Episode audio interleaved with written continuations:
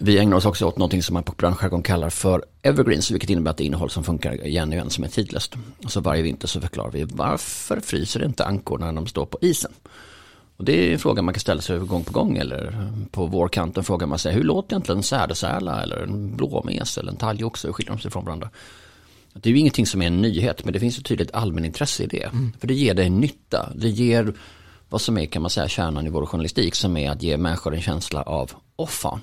På, eh, när jag var i tidningsbranschen, eller papperstidningsbranschen snarare, så pratar man mycket om offanismer. Det är det som står högst upp i Dagens Industri. Så där står det så 69 ton bananer välter från en lastbil utanför Trelleborg igår. Det är ju egentligen ingen som bryr sig. Men du tänker så här, åh fan. Och så går du hem och så berättar du det för din man eller för din fru på kvällen. Bara, åh fan vad intressant det här var. Och det är det vi vill liksom skapa. Vi vill fostra och träna folk i liksom inte bara nyfikenhet utan vetgirighet. Digitala snuttepodden med Niklas och Martin presenteras av Bombay Works. I took the initiative in creating the internet. You got mail. That must be why we're not shipping Windows 98. Absolutely. Senator, we run ads. Okay, Google. Oh shit. Here we go again. Great, beautiful, awesome, beautiful. Välkomna till Digitala Snuttepodden. Det är jag som är Martin. Det är jag som är Niklas. Och det är jag som är Per. Uppenbarligen som du sa innan. Mm, eftersom de andra två namnen var upptagna så kommer jag kalla mig Per idag. Ja, helt rätt. Vi har renässansmannen Per Granqvist här idag Niklas. Ja, jag vet. Nervöst. Ja, eller hur? Vi får hålla oss i skinnet lite grann. Eh, det är svårt att sätta en etikett på dig Per, men jag ska göra ett försök att göra ett intro i alla fall. Uh, och att det är svårt att sätta en etikett på det kanske kräver en eloge i sig. Det är rätt kul att mm. vara bra på mycket. Men du är journalist i grunden. Eller dålig på mycket. Uh, därför man hoppar runt kanske. det är en tänkbar förklaring tänker jag. Ja, det kan ju vara det, absolut. Men du är ju journalist i grunden och är via ditt chefsredaktörskap på Vad vi vet, som vi kommer komma in på sen, även folkbildare. Uh, det är för övrigt ett ord jag hoppas kommer användas oftare i samhället. Det saknas ja, Det känns som det behövs, eller hur? Eller hur? Mm. Ja. Uh, nåväl, uh, vad vi vet har sedan starten 2018 publicerat faktabaserade förklaringar av aktuella händelser som nått en miljon publik. Utöver det så har du skrivit ett antal böcker också, hyllade böcker. CSR i praktiken, kanske den största om jag inte tar fel. Om ett hållbart eh, samhälle i näringslivet. Engagemang som handlar om eh, hur man skapar personligt, politiskt och professionellt engagemang. Lögnarna, som jag gärna vill läsa. som avhandlar hur och varför folk ljuger. Kanske får lite självinsikt här. Ja, ja, ja, ja. Och samt den stora bubblan som handlar om filterbubblor som kommer komma in på dagens ämne också. Ja, kanske. Vi har behandlat det innan i podden också, mm. tänker jag. Eh, bortsett från detta, det här intron tar aldrig slut, så är det även Chief Storyteller på ett forskningsprojekt på KTH som heter Viable Cities. Hur man skapar hållbara städer i framtiden. Mm, många hattar här nu. Mm, eller hur? Hur ska vi täcka allt det här Niklas? Ja. Jag hoppas du är färdig nu eller har du redan rotat upp Men springer du runt med alla hattar samtidigt eller byter du väldigt mycket eller? Ja, jag byter väl en del. Men mm. Eh, det, ju, det, går ju in i varandra och jag är ju som du sa inledningsvis lite rörig. Så att... är, är vad vi vet hatten den som sitter stadigast nu för tiden? Jag får återkomma till den när jag hör frågan. Ja, okej. Okay. Dagens tema är i alla fall nyheter. Kommer kvalitet att segra över kvantitet? Eller har gränserna mellan journalistik och underhållning suddats ut helt? Ja, det är, precis, om det är temat eller inte, men det touchar på det, eller hur Per? För vi ja. har pratat lite om vad vi ska prata om. Och... Mm. Jag blev rädd att det var inledningsfrågan, så jag bara duckade den och säger ja, det låter som ett bra tema. du kan ducka den, för det kommer fem enkla, snabba frågor här i början, ja, innan vi, går in på Vi testar dem först. Ja. Och den, nu, nu kör vi mycket enklare. Eh, Tura eller Öresundsbron? Tura. Mm. Du är från Bjärhalvön? Jajamän. Ja. Varifrån? Från Båstad. Mm. Härligt. Men eh, det där med turer, kliver man någonsin av eller man, eh, får man kliva av om man turar eller man måste verkligen bara åka fram och tillbaka och sen? Ja det är sant, när jag turade nog så turar jag, när då kliver man ju av i Helsingör och så går man bara över gatan eh, och sen så köper man den ölen man ska och så åker man hem. Okej okay, men det är ändå turer, eller hur? Det är absolut turer. Ja, ja, och jag insåg förra sommaren när jag var där med min son i Helsingör och traskade runt att jag aldrig varit i Helsingör bortom den första kvarteret. Inte jag heller. det är pinsamt. Det, det skulle det, kunna det, vara, alltså, hela Hälsingland skulle kunna vara en Potemkin-kuliss, eh, for all I know. Men, men eh, nej, det fanns ytterligare saker bortom det. Det sen finns till och med ett slott ja. där och sånt. Man ja, det gör det. Men sen tror jag många danskar är ganska tacksamma för att väldigt många svenskar inte har sett så mycket av Helsingör. Ja, men all, all, danskarna all, gillar ju inte de fulla svenskarna. Nej, eller de första kvarteren gör ju det. Och de förstår ju ja. även när man pratar svenska ja. och är full. Men bortom det förstår de ju inte ens svenska. Så kvarter in så där vi i vad de säger. Nej, helvete uh, vi, vi fortsätter. Lotta Engberg eller Arja Saijonmaa? Arja Saijonmaa. Mm.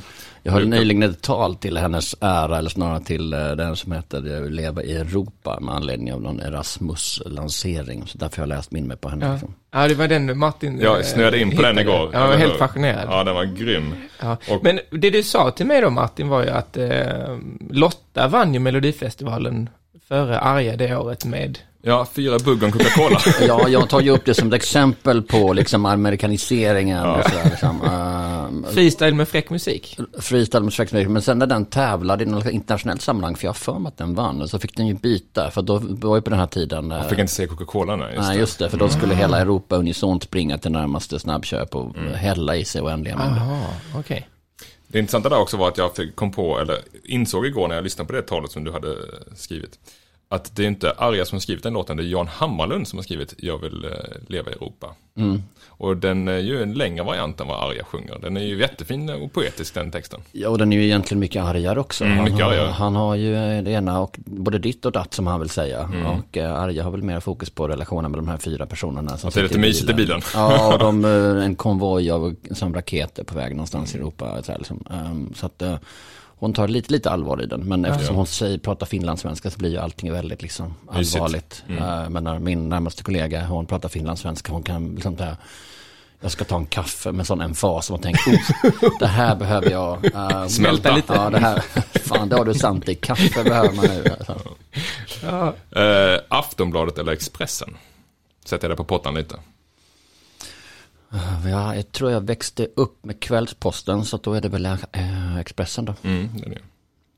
Eh, råbandsknop eller pålstek? Kärringknut tror jag.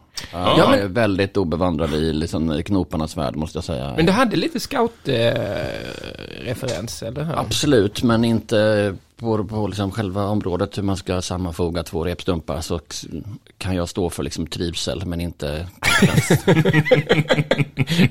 Senast igår la jag fast en båt som senare visade sig inte vara fastlagd.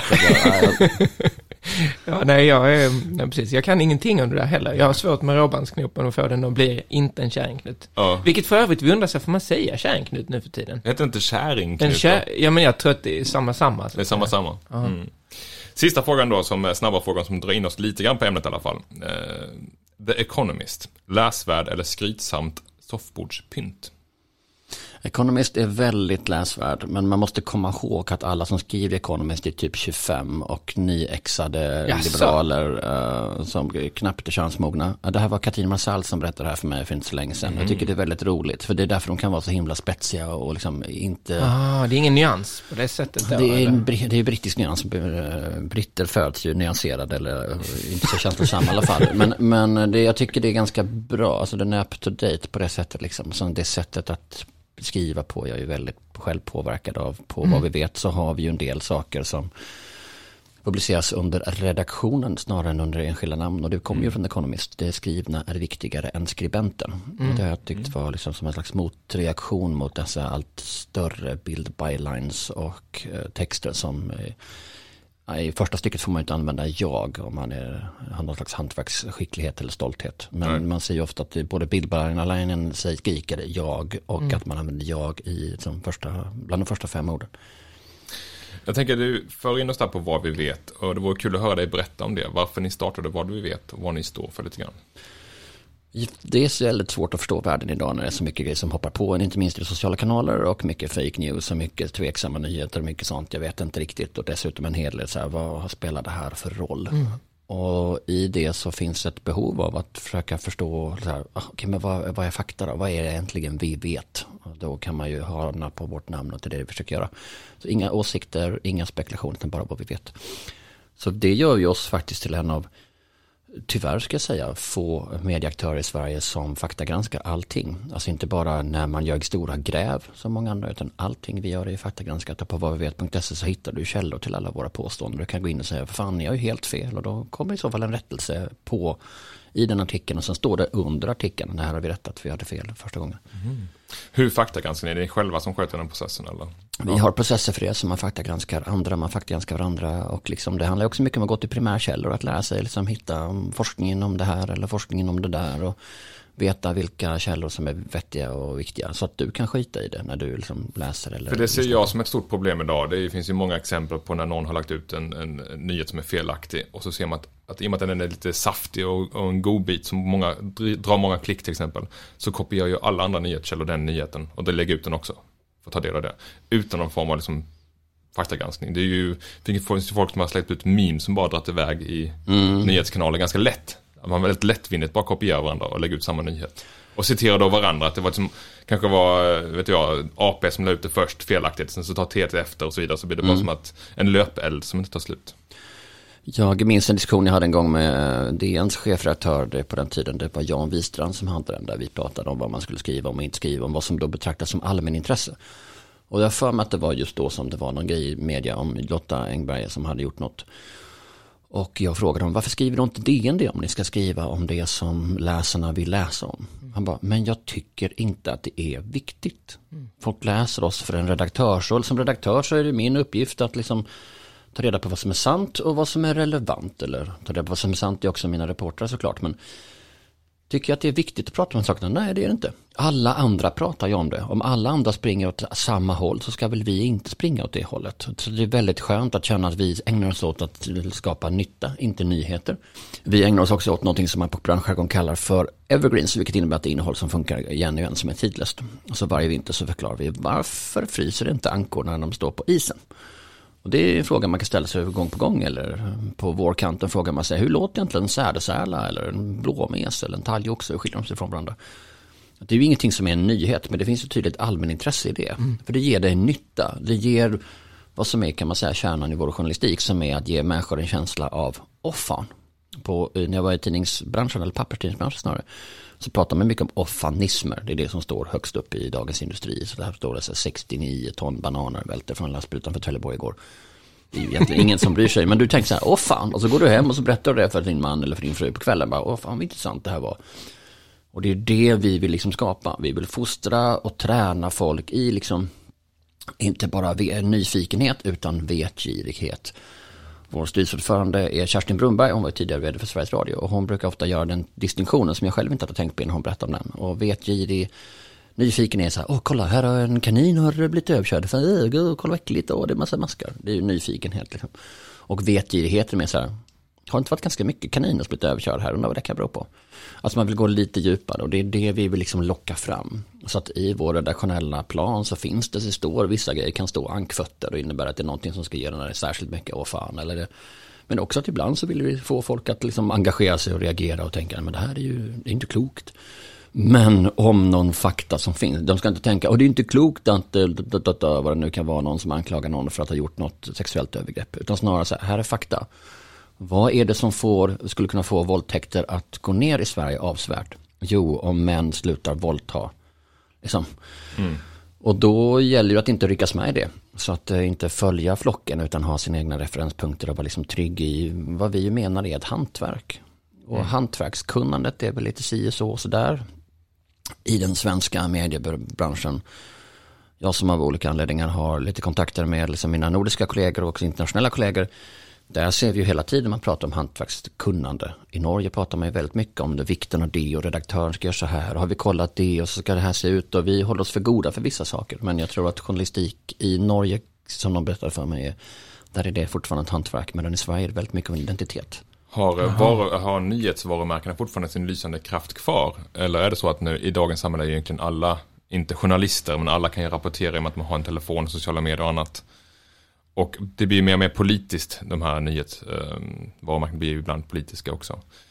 Har de fortfarande samma lysande kraft att liksom det här är kunskapens högborg eller sanningen finns i New York Times eller Washington Post? Jag tror att man måste tänka som att de flesta medievarumärken har ungefär det rykte de förtjänar. Mm. Um, och tittar man på hantverksskickligheten om man jämför uh, även en stor svensk morgontidning så, eh, och så jämför man det med exempel med en brittisk stor morgontidning eller en tysk morgontidning så är det ju en avsevärd skillnad. Även liksom Sveriges malligaste morgontidning som Jan Gen brukar säga har ju mer likt med liksom Laholms tidning än i gäller hantverkshöjd äh, än vad de har med New York Times. Mm. Men jag var nyligen intervjuad i Times i London. Och då är det en intervju som pågår i ett, eh, ganska lång tid och sen så återkommer de ett par, tre gånger. Och då liksom innan publiceringen återkommer, du, du säger här att du är 55 men det måste vara ett skämt. För när vi kollat runt på nätet är det ju bara som ska du fylla 45 i juli. Där pratar vi källkritik, där pratar vi koll liksom. Och när man intervjuade så här Süddeutsche Zeitung så är det liksom långa intervjuer tre gånger. Du sa första gången det här, det verkar si eller du sa andra gången det här, men det påminner också om någonting som Donald Trump sagt. Vad innebär detta liksom? Mm. Och sen går det skitlång tid och sen kommer intervjun och då är den liksom ja, förhållandevis kort får man väl säga. Så det är en hantverksskicklighet som inte bygger på att vi måste ut med grejer Nej. nu, vi ja. måste ut, lägg ut på ettan, si och så, vi ska vara snabba i sociala kanaler. Har det någonting med, med budget och liksom publik att göra? För att har man Nej. en liten Nej, det har ingenting med det.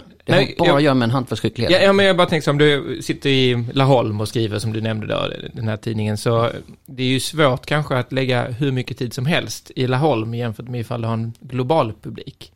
Finns det, finns det liksom förutsättningar för att vara lika hantverksmässig eh, inom ekonomiska ramar eh, i, i en mindre geografi?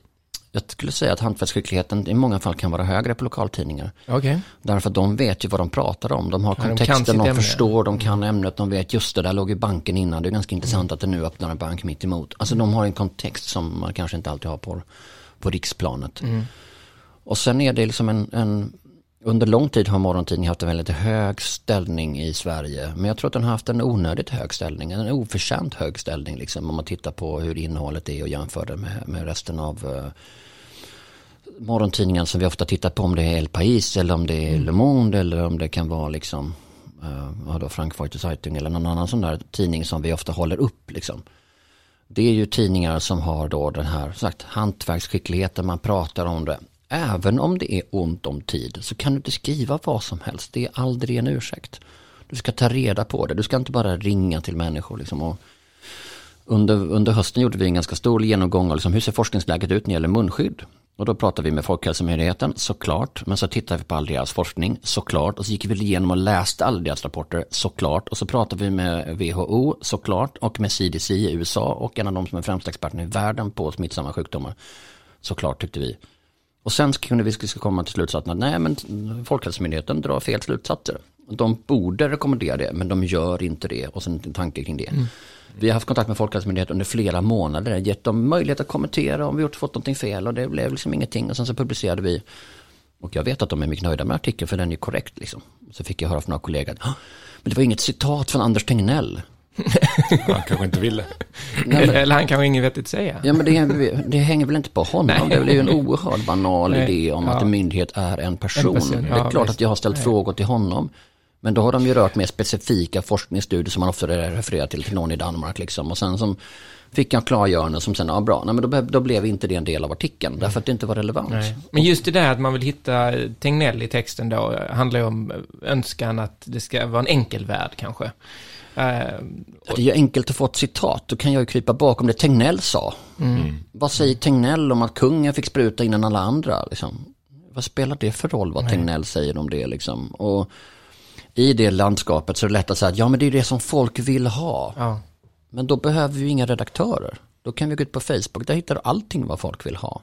Utan redaktörskapet är ju liksom viktigt. Och det är ju att när alla jagar i termer av att nu går det något drev här borta. Då krävs det redaktörskap att säga, hörni, mm. sädesärla. Mm. Visste ni att ja. den vippar med stjärten hela tiden? Och sen är nästa säga, här är en ganska tung intervju med en, en, en um, journalist, jag menar det, eller med en, en, en, som en, en av våra journalister gjort med någon. Och mm. vi har ju aldrig exklusiva intervjuer.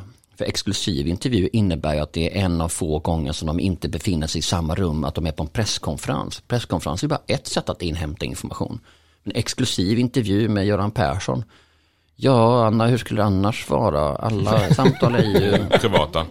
Ja. Det här för mig liksom, du, du nämnde det här med pengar och mm. ekonomisk stabilitet. För det här med att kunna ta tid på sig som du nämner här Per, att inte falla till eh, falla för den här frestelsen att lägga ut någonting snabbt för att jaga mm. klick och så vidare. Det mm. kräver att man har någon slags ekonomisk stabilitet. Är folk villiga att betala för nyheter idag? Digitalt primärt skulle jag säga vi kan ju se att det går ju en trend att folk är mer och mer villiga att betala för det, ja. Men sen är frågan, är det värt att betala? Om jag säger det, du ska lyssna på, du ska betala vad vi vet. Jag menar, det är inga stora summor, det handlar om mindre än tre kronor per dag i vårt fall. Men vi har världens bästa journalistik, vi har, vi har så här många reportrar, nu är vi anställda. Det spelar ju liksom ingen roll. Frågan är ju om vi gör någon nytta. Om vi gör att du känner dig smartare eller inte. Så att den där debatten blir, kan ju också handla om att man lägger fokus på fel sak, att man inte lyckas artikulera det värde man bidrar till och det är därför folk inte betalar. Um, För min rädsla någonstans är ju att eh, det som kanske är faktagranskat, och man tar tid på sig att göra en riktig journalistik, det blir bakom någon slags paywall. Och de som är villiga betala för att ta del av det, de som inte betalar eh, är fast i, ja, men eh, kvällspost och annat. Vilket de flesta är menar du? Vilket de flesta är, och då är det så att blir det någon folkbildning av det, om man liksom, men jag undrar om den bilden är sann, för den förutsätter ju att det är någon slags, eh, vid någon tidpunkt så har all vettig information funnits tillgänglig för alla.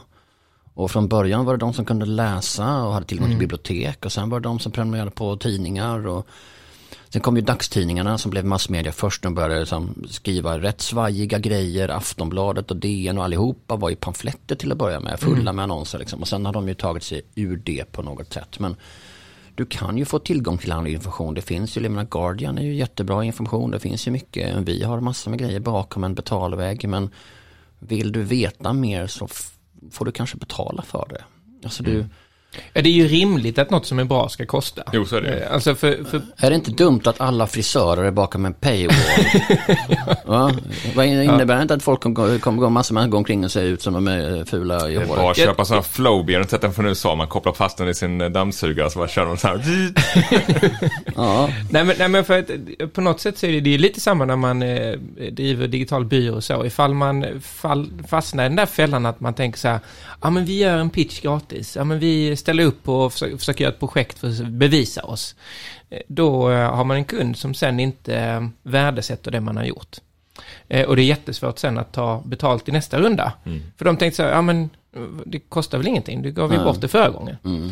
Eh, och då är ju, tack och lov då, de flesta kunder eh, förstår ju det, att det är en tid man lägger i värd någonting.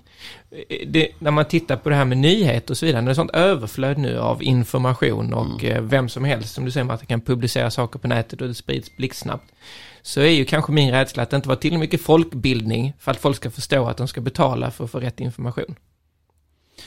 Jag tror inte att det där är liksom, jag menar jag är uppvuxen på Bjärhalvön och vi har ju uppfattningen om att Kullhalvön är oerhört mycket sämre. Eh, nu har jag ju... Är det, vänta, är det varsin sida av eh, bukten? Eller? Ja, exakt. Ja, ja. Precis. Ja, de två halvöarna. Eh, och då är ju det liksom, och Ängelholm mittemellan säger att ja, det beror på. Men då, som, den uppfattningen är ganska stark hos mig. Och jag har ju varit på Kullhalvön flera gånger och sett att det är ju inte så jävligt som man kan tro. Men det är ju en uppfattning och det är ju, det är ju egentligen en fysisk filterbubbla, en geografisk filterbubbla. Så att liksom ska jag då, vi, vi sitter i filterbubblor hela tiden och liksom de som inte säger att det finns filterbubblor, de sitter i en jättetjock filterbubbla. Men annars är det ju liksom så, vi har ju fullt av förutsättningar inne i huvudet, det är det som är problemet. Och jag är inte säker på att jag kan prata med människor som tillgängliggör Um, och genom tillgängliggöra fakta för dem om de inte vill ta emot det. I vårt fall så, jag menar vi eh, finns ju på Instagram, där har vi ju 95% av vår publik, den är ju gratis. Så där finns ju en, mod- en modell. Vill du sen se våra källor, vill du läsa ännu mer på djupet, men en viktig princip att du aldrig ska behöva besöka vår sajt och ändå få nytta av oss. Men det är därför jag tänker på liksom att det, man är villig att betala för nytta och man är villig att betala för nyheter. Nu har det här hänt, jaha, okej. Nu har Annie Lööf sagt det här, jaha. Och Stefan blev jättearg, jaha. Det är ju ingenting av det som ger mig någon slags nytta. Nej, ingen, eh, ingen kunskap eh, som är bestående. Nej, så vi har alltid haft en, en, en, en uppdelning i samhället. De som har varit nyfikna eller till och med vetgiriga och som då har tagit sig och det är det som är vår grupp. Liksom. Men jag menar, eh, vad vi vet startade i samband med förra valet när jag försökte bara bringa någon slags klarhet i hur funkar det politiska systemet i Sverige utan att lägga någon bedömning i det eller säga att du ska rösta på dit eller datt. Och på då tre år ungefär så har vi ju nått en publik som gör att som är liksom mycket stor. Och det är ju för att det behovet uppenbarligen inte var tillfredsställt tidigare. Nej, och det, det känns ju som att det behovet av att det finns eh, korrekt information som är faktagranskad och så vidare, det blir ju större och större ju mer smuts det finns där ute på nätet. Ja. Tänker jag, för att när det är grötigt och rörigt eh, Mm. och så mycket damm överallt, då behöver man ju dammsuga någonstans. Ja, och så känner man väl att det är ganska skönt att komma till ett ställe som hävdar att de inte ägnar sig åt eh, åsikter eller spekulation utan bara vad vi vet. Ja. Um, och då får vi ju såklart också folk som ifrågasätter det, men det gör ju oss ju bättre. Ja, för där kan man ju landa i typ så här, man pratar om, ja men jag läste på DN kan man säga, eller när jag läste på SvD och så, så kan liksom en annan person säga, jaha läser du DN? Eller jaha läser du SvD? De är ju vridna åt det här politiskt, och de är ju vridna åt det där politiskt och sådär. Vilket ju är lite synd, för egentligen vill man ju läsa en nyhet som, om bevakning som är så eh, objektiv som möjligt. Alltså objektivitet finns ju inte, men Men som opartisk- möjligt, alltså, eller opartiskt. ja. Ja, Opartisk kanske i alla fall liksom. Och tittar vi på vad de gör liksom i, i ja men, tjatar man ständigt om New York Times och även Wall Street Journal som ju Mm. då är höger om man ska jämföra sig, det, gör ju också det här ordentligt. De kollar sina källor. Det är vanligt jävla hantverk och därför kan du lita på dem. Alla tidningar som säger du kan lita på oss för att vi funnits väldigt länge. Eller så säger jag tack vare era pengar så kan vi nu anställa fler journalister. Det är ju dumheter. Ett, för att de journalisterna antagligen var anställda där innan men på korta frilanskontrakt med dåligt betalt. Och två, för att, ja men är de bra då? Alltså när jag klev in på Veckans Affärer första gången så mötte jag en redaktionschef som sa så här, jaha, goddag, hej, jag har varit journalist 1974, hur länge har du varit journalist? Det är hennes första mening till mig. Och det är så dumt, jag blir så full i skratt och säger, ja vänta nu, bara en följdfråga på det, har du varit en bra journalist Ja, 1974 precis. eller inte liksom, för det kommer ha betydelse för min bedömning. Och då blev hon ju tvärsur. Uh, och där menar jag att det var, liksom ett, inser jag nu, ett exempel på de här två världarna. Det ena, alltså, journalistiken som identitet, jag är journalist mer än någonting annat. Och den andra som är liksom, jag har lärt mig ett hantverk och sen får det upp till dig att bedöma om det är bra. Du kan kontrollera om det hantverket är okej på olika sätt. På samma sätt som du kan kontrollera en stol. Sätt dig på stolen och håller den, ja då är det bättre det finns ju hantverk. väldigt många eh, gamla dirigenter som blir piskade på fingrarna av någon som är 21 och som gör det utan, att, utan ansträngning och bättre såklart. Så att eh, tid och ålder har inte betydelse. Jag tror det var Hasse och Tage var överlig. Stämmer att de pluggade i Lund eller? Har vi koll på det? Ja. Jag tror att de var överliga båda. Nej, vänta, det var eh, Brasse och... Eh, eh, vad heter han? Magnus och Brasse. Ja. Och de var ju överliggare i Lund och eh, så. Och eh, ingen av dem lyckades fullfölja någon riktig utbildning. Eh, men de var ju där i typ så här 12 terminer var den ena och 13 den andra. Och det betyder ju att eh, den som var där 13 terminer var ju säng, säm, dålig längst. Så han, han var ju uppenbart mer korkad än den andra. Lite så är det ju med någon som har jobbat länge och hävdar att bara för att jag har gjort det här länge så är jag duktig. Ja, men det kan ju också då helt enkelt leda till att man får en större hantverksskicklighet. Att du förstår direkt hur du ska göra någonting. Eller hur du, det här är den intressanta vinkeln. Eller det här du har lätt att bara sortera bort. Vet att det här är liksom Ja, ingenting. erfarenhet kan ju leda till det, men det kan också leda till att man blir lite... eh, Ja, men när vi ser ett drev som går så försöker vi vara också smarta. Okej, nu går det ett drev om bla bla bla. Ta det här då som varit ganska nyligen om våldtäkt hit och dit. Och någon som har blivit våldtagen eller inte. Eller någon har blivit friköpt eller inte i fängelset. Men är han inte skyldig ändå och sånt. Liksom. Då kan vi bara ha förberett så vi vet. Kan vi bara droppa och sätta i det allmänna flödet. Innebär frisläppande, från polisen att man är oskyldig? Nej, det gör det inte då. Ah, Och då låter vi vår publik själva göra kopplingen till det aktuella. Och då känner de sig smarta, de får reda på fakta, de tycker att vi är toppen. På tal om saker som har funnits länge, New York Times är någonting som ni har ett samarbete med på vad vi vet. Vad jag står. Eh, De har ju en konkurrent i Washington Post som eh, gick lite sämre för några år sedan och där Jeff Bezos, då han som grundade Amazon, gick in och eh, inom citationstecken räddade dem genom att köpa det. Den Ja, det var nog inte ens inom citationstecken han räddade. Nej. Eh, vad tycker du om det? Att eh, miljardärer börjar gå in och köpa stora nyhets... Alla mediehus vill ju ha långsiktiga ägare. eh, För det är en särskild uppgift att, att vara den tredje statsmakten och kunna granska det. Eh, nyckeln här är ju det oberoende. Han har ju inte försökt gå in och peta och liksom styra på det sättet. Han har tillfört resurser som gjort att de tagit sig från att vara en, en väldigt lokal tidning och regionalt möjligtvis till att bli en nationell och internationell tidning som just råkar ha bas i Washington. Så det har ju varit väldigt, väldigt positivt den långsiktigheten, den tålmodigheten som han har liksom tillfört tidningen. Så att tidningens ägare är viktigt och långsiktighet är ju liksom viktigt. Det är därför det är så viktigt att vad vi vet är lönsamma och ska vara lönsamma för att det ger oss möjlighet att göra det vi vill. Vinst ger oss möjligheter var väl Ingvar Kamprad som sa. Så det, Mm. eftersom det finns ingenting, ingen nackdel i det. Och eh, andra som har ägt media under lång tid är jättekassa. Alltså det finns ingen koppling där heller utan det beror på hur man förhåller sig till journalistiken om man förstår att det är någonting eget. Jag är ju ansvarig utgivare också för eh, vad vi vet och det innebär att vi vad vi vet har då grundlagsskydd och det är lite eh, viktigt på olika sätt och hur man, om någon skulle läcka grejer till oss så är man skyddad och liksom myndigheter får inte hålla på och tjafsa och eftersöka grejer med oss och sånt. Det finns ju liksom ingen risk i det och det är ju, eh, men då är man ju på någon nivå. Däremot är det ingen kvalitetsstämpel. Det finns folk som har ut- ansvariga utgivare som gör jättedålig journalistik. Jag tror det skulle Ja, bli ganska mycket rabalder om Stefan Persson gick in och köpte SvD till exempel. Men varför skulle det bli det, tänker du? Jag vet inte, det bara känns som att i Sverige hade inte det varit så poppis. Ja, men, men ägaren är ju ofta frånkopplad egentligen verksamheten. Tänkt så i alla fall. Det beror väl väl lite grann på vad, vad eh, en sån ägare vill med verksamheten. Säger att jag har, som vill gå in och garantera en, en verksamhet som präglas av kvalitet och se till att den finns för att jag kan det, eh, så är det väl positivt. Men säger han att nu tänker jag göra eh, den här tidningen till någonting som ska propagera för frågor jag brinner för, då är vi ju eh, fel Farligt ute. ute. ja. Apropå det här med långsiktigheten och så, så har ni ju nu i år lanserat en ny eh, grafisk profil, eller hur? Mm. Och en ny logotyp. Och det var intressant att, läsa om att ni har en långsiktighet i hur ni tänkte kring logotypen. Mm. Var, var, förklara varför ni tänkte så och vad det innebär. Ja men vi tar ju vårt uppgift på ganska stort allvar och då gäller det också att ha en logotyp som speglar det, det tidlösa i det. Och då ehm, fick vi sen, som gjorde vi en, en helt enkelt en upphandling, det låter ju otroligt styltigt, men vi vände oss till en tjänst som, där man kan sam, lägga ut en pitch och sen som heter, heter Anonymous. Och så lägger du ut en pitch och förklarar vad du vill göra och sen så är det liksom, eh, får du då hjälp att hitta kreatörer utan att du vet vilka de kreatörerna är. För vi vill göra det på ett mer byråkratiskt sätt. Och sen fick vi kontakt i underbara Minna Zakaria som ju eh, gjorde det här ett fantastiskt förtjänstfullt arbete med att liksom göra en logotyp som är väldigt enkel och känns klassisk och som också har ju eh, sådana små visuella nycklar i sig. Så att liksom den ser ut att vara, hon uppfann ju en bokstav, trippel V.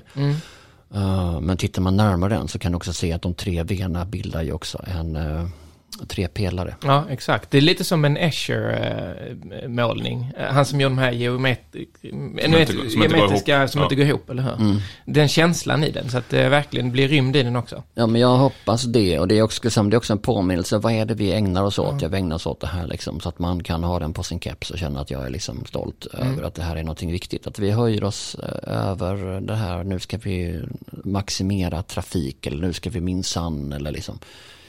Men jag var ju, skrev ju på ledarsidan i Sydsvenska länge och jag insåg ju, eller kanske min chef eh, Heidi Aveland insåg att jag var ju som sämst när jag ska skriva snabba grejer. Ah, att det ja. blir bara någonting som liknar bästa fall alla andra, jag tillför liksom ingenting. Men när jag får skriva någonting helt annat, då bidrar jag med grejer. Så det är väldigt skönt att vi vi vet inte längre vara en sån som när det händer saker och ting så bara vad fan är min take på det här? Jag måste ha en hot take på det här som man säger liksom eh, Nej, det är inte alls så, utan i själva verket så kommer eh, Ja, just det. vad det nu kan vara. Vad, och den här långsiktigheten då, nu så är ju som du säger, mycket av er trafik är via Instagram och, och så, eller trafik eller vad man ska kalla mycket av Mm. konsumtionen så att säga. Eh, och sen så är ju, social media har ju bara pikat och pikat och pikat och fortsätter ju växa. Jag menar, Facebook är inte färdiga än och så, världen är ju stor.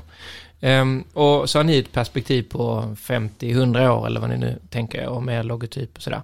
Vad, vad tror man om eh, social media och liksom konsumtionen om 40 år? Kommer, eh, är vi på någon sån här social media peakbubbla eller kommer den liksom fortsätta att stabilisera sig där högt uppe någonstans tror vi?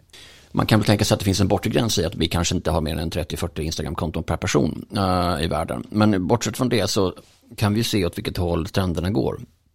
Jag uh, har en hel del kontakt med Reuters Institute som ligger vid Oxford-universitetet. Eh, och det, det är ju spännande att se deras undersökning av mediekonsumtion framåt. För då kan de ju se att liksom unga människor, alltså människor som är yngre än oss, de har ju de går ju i sociala medier och så söker de det där de börjar liksom. Så då går de på Instagram och så söker de efter vad de nu tycker har hänt. Om de vill leta upp någonting vad, vad Lotta Engberg har gjort eller så. De går alltså inte på Google, de går inte in i, i tidningsappen, de går inte in på eh, en sajt. Så det är där de börjar. Och den förskjutningen är väldigt, väldigt tydlig. Vi kan se att den är lite mindre tydlig i Norden därför att vi har, här har medierna lyckats fostra en starkare relation mellan också I Norge särskilt är man ju ledande i världen på prenumerationer och betala för nyheter. Så där kanske man går in på VG eller Netavisen direkt. Liksom. Men i generellt ut världen kan vi se att det går i socialt och det är det vi ser som en möjlighet. Att då finns vi ju där, där folk finns liksom. Du får så mycket skit i ditt flöde i alla fall. Det är jätteskönt och du kan få lite fakta och blanda upp det med. Så att eh, vi ser med tillförsikt an på det. Sen får man väl se de nya kanalerna. Vi ser till att vi har närvaro i precis alla nya kanaler. Så kommer om det så i Clubhouse eller vad det kan vara. Liksom. Sen måste man fundera på vad man tillför där. Clubhouse har ju hittills i alla fall mycket haft karaktären av att liksom människor pratar rakt ut, ogenomtänkt och bara pågår. Eh, och, Skönt att någon annan säger det, men ja, precis. och då kanske inte det är rätt forum Nej. för vad vi vet. Vi har gjort några evenemang och sådana grejer där. Men, men ehm, där vi gett perspektiv genom att kunna, hur är det att bo i LA under Black Lives Matter eller vad det var något i den stilen. Eh, och det hade väl sina poänger och det var väl bra liksom. Eh, Det intressanta är att eftersom vi är tidiga så är vi ju relativt stora på, på Clubhouse. Ja. Det är jättemånga som följer oss där. Eh, trots att vi inte säger något eller kanske tack vare. Men, men eh, så det gäller ju också som att, att förstå vad kan vi bidra med ett värde liksom. Givet att det finns så mycket skit i flödet och bland nyheter generellt. Hur bör gemene man tänka när de läser nyheterna för att bli lite mer källkritisk? Förutom att då läsa vad vi vet. Eh, Jag tycker du ska vara källkritisk, särskilt mot vad vi vet, så det är en oerhört pretentiöst namn. um, men också mot alla andra. Alltså ju mer källkritisk du är, ju bättre är det. Men du får inte bli liksom um, konspirationsteoretiker och misstro allt. Du måste ju välja att några grejer kan jag lita på. Eh, Vilka det nu är eh, kan ju vara olika, men se till att skaffa en bra mix av grejer. Guardian är ju gratis, liksom. följ Guardian. Um, så får du ett perspektiv utanför Sverige som är intressant, eller du kan, det finns ju massor med andra du kan följa också. Liksom. Uh, och, och därmed kan du bilda dig, liksom, att, att ha inte en för liten krets, följ inte Aftonbladet och Expressen och Nyheter 24. Uh, för det är ju samma sak. Precis, jag tänker ibland, jag har fått rådet innan att man ska läsa en lite mer högerorienterad eh, nyhets... Eh, sak och någonting som är lite mer åt vänster för att få en liksom, någonstans mitt emellan finns sanningen men det kanske är för banalt att tänka så. Ja, Läsa DN och SvD till exempel, så får man kanske lite närmare sanningen. Framförallt är det ju ett halvtidsarbete, tänker jag. Mm. Men eh, jag tror, så tror jag också att man behöver ta sig, som, lita inte på att de säger det bra, lita inte på att SvD är vänster eller höger eller DN är vänster eller höger, utan som granska vad de säger, håller du med om det här? Känns det som att du blir liksom utmanad? Ehm, jag kan tycka att vissa av de här ledarsidorna i Sverige har varit liksom alltför ensidiga och alltför enfaldiga, driva sina saker. Och då slutar jag med dem liksom. Om jag redan vet vad som ska stå på ledarsidan imorgon så behöver jag inte läsa den liksom. Utan jag försöker hitta dem som ah, folk som man kan orientera sig med liksom. Men framförallt så ska man väl sluta vara på Twitter.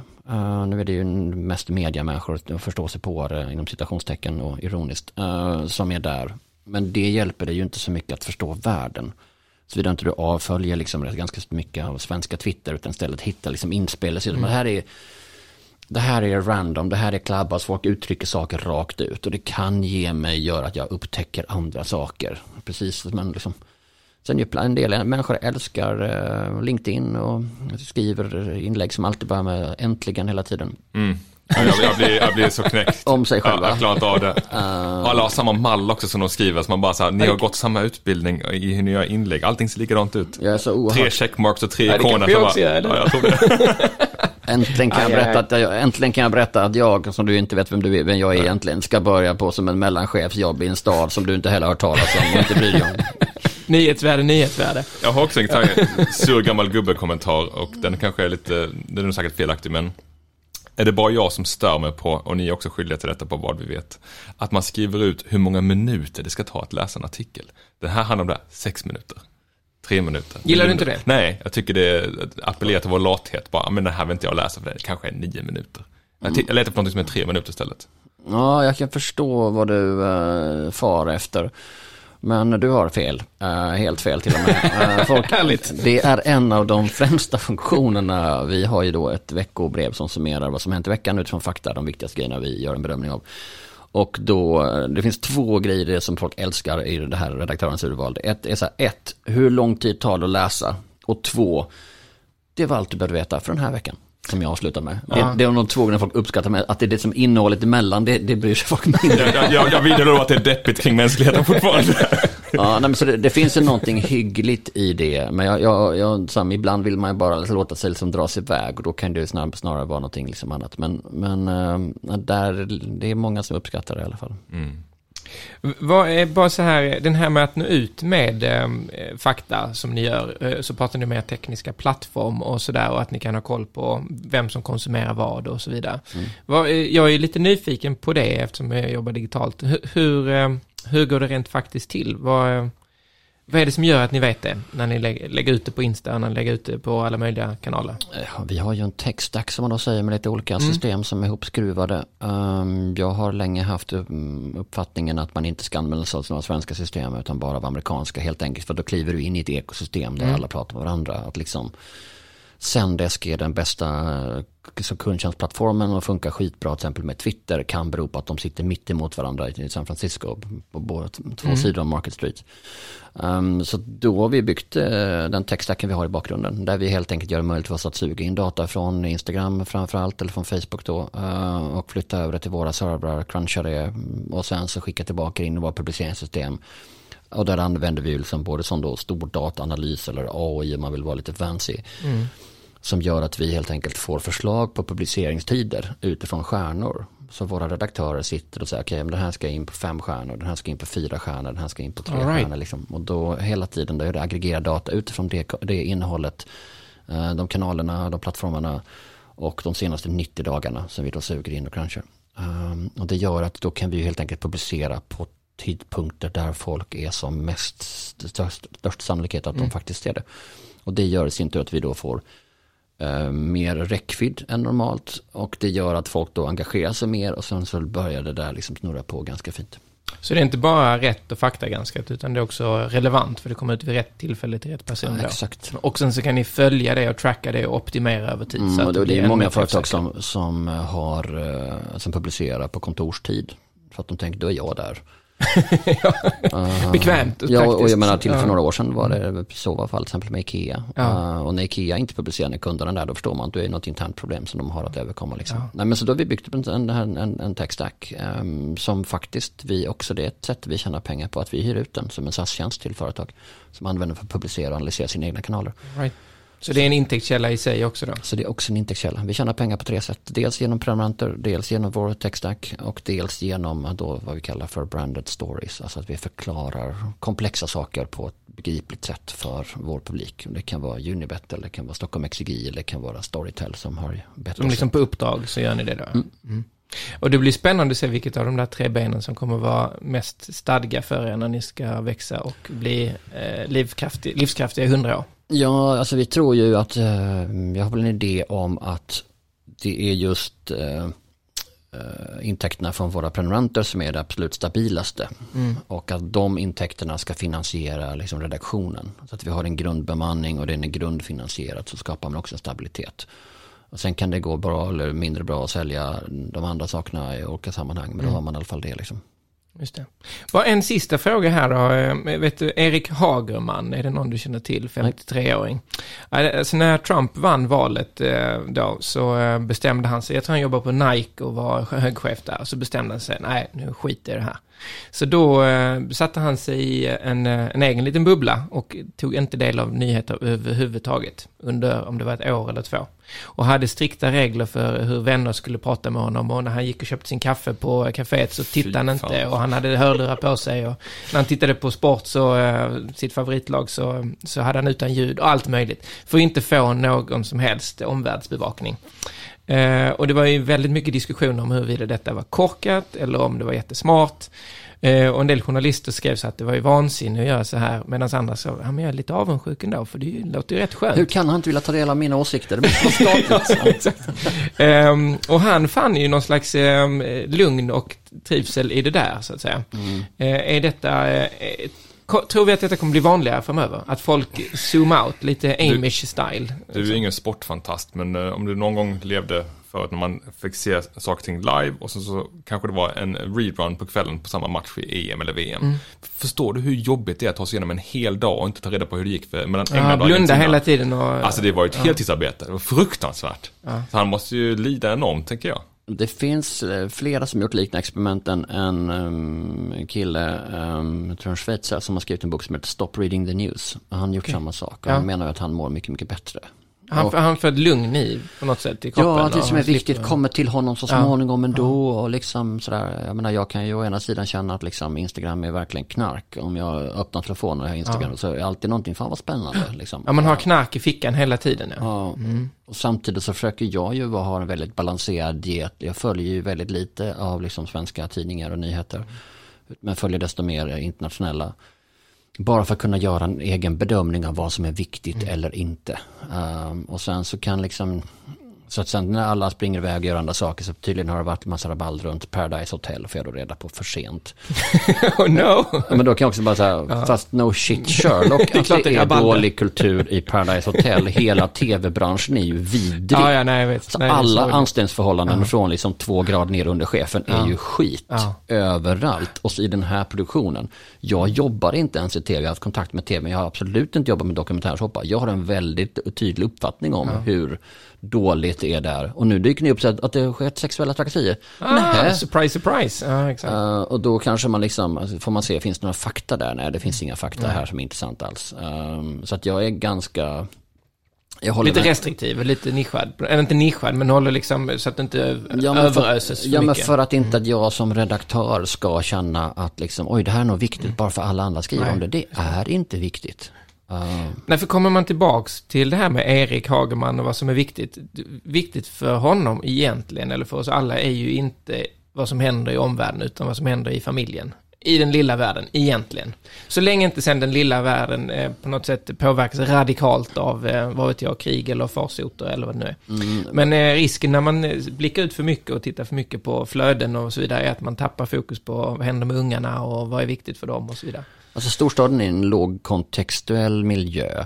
Det här är ju de här 60-70-talet, någonting, den här högkontextuella och lågkontextuella teorierna kommer. Lågkontextuella är att man ser någonting och tror att det bara är det och så går man vidare. Högkontextuella förstår, just det, det där är kopplat till det eller om då jag känner dig så vet jag, det kommer egentligen från början med att liksom våra mammor är kusiner eller vi bodde nära bokhandel. Alltså det där får man i en liten stad automat. I en stor stad känner du inte dina grannar, du känner nästan ingen.